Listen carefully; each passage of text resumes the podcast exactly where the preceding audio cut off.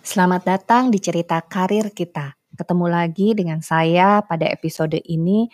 Kita akan membahas tentang pertemanan di tempat kerja dan tantangannya.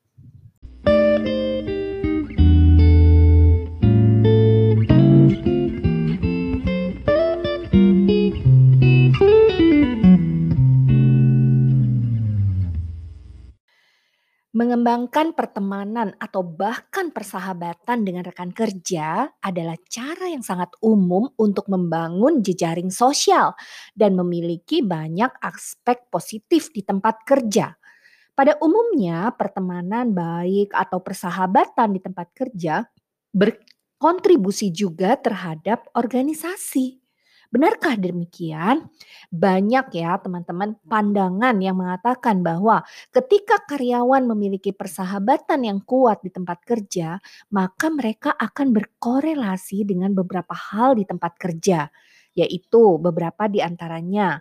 Satu, pekerja yang lebih aktif di tempat kerja itu biasanya karena mereka mem- membangun persahabatan di tempat kerja dan itu memberikan semangat tersendiri bagi mereka dalam bekerja. Selain itu juga kepuasan yang lebih besar dengan tingkat upah. Kepuasan tidak bisa diukur dengan uang, di mana pekerja puas dengan suasana kerja yang nyaman karena mereka memiliki teman-teman yang baik dan mendukung mereka. Karyawan juga bisa memberikan rekomendasi yang baik terhadap suasana di tempat kerja ke pihak lain. Mengapa? Karena mereka menemukan kenyamanan di tempat kerja tersebut. Selain itu juga dikatakan bahwa loyalitas karyawan akan meningkat seperti aspirasi untuk pekerjaan jangka panjang dengan organisasi.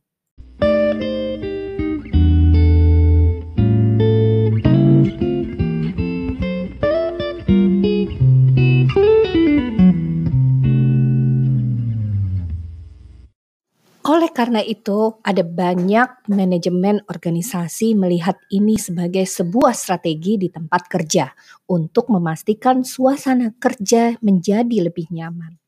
Namun yang menjadi tantangan adalah ketika Anda dihadapkan pada sebuah keadaan di mana Anda harus berubah posisi dari seorang teman baik atau sahabat menjadi seorang supervisor atau pengawas atau manajer dari teman baik Anda di tempat kerja. Adanya transisi dari anggota tim menjadi pemimpin tim. Hal ini dapat menghasilkan berbagai tantangan dan khususnya dapat membawa kompleksitas baru ke hubungan pertemanan baik yang sudah terjadi sebelumnya maupun pertemanan yang akan terus terjalin.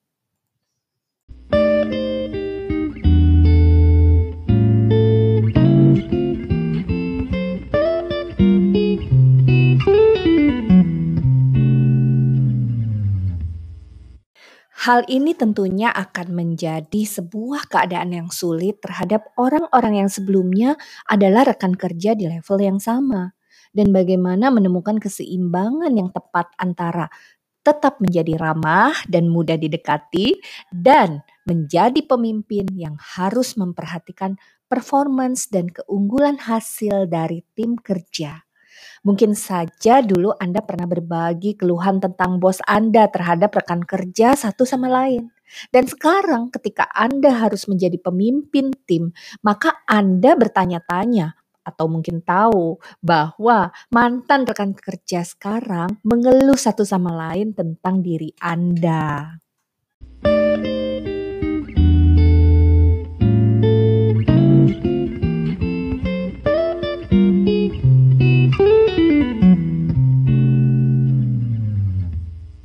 Rekan kerja mungkin mengharapkan perlakuan istimewa. Beberapa mungkin membenci perubahan status Anda. Orang lain juga mungkin ada yang tidak menghargai Anda karena mereka mengenal Anda terlalu dekat, sehingga mereka mengetahui kelemahan Anda. Hal ini umum menjadi tantangan bagi seseorang yang masuk menjadi level supervisor atau memimpin tim kerja untuk pertama kalinya, dan lebih-lebih yang dipimpin adalah rekan kerjanya sendiri.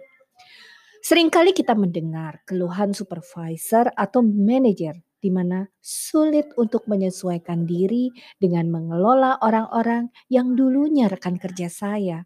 Terkadang Anda merasa bahwa orang-orang yang dulunya teman baik Anda tidak mengambil tugas atau proyek serius sebagaimana seharusnya. Karena mereka berpikir mereka dapat mempergunakan hubungan persahabatan dan pertemanan baik mereka dengan Anda untuk keuntungan mereka. Pada umumnya, staf yang mendapatkan promosi ke level supervisor pertama kalinya akan menemukan kesulitan menggambarkan garis ini karena dulunya mereka bekerja di level yang sama dengan rekan kerja yang lainnya.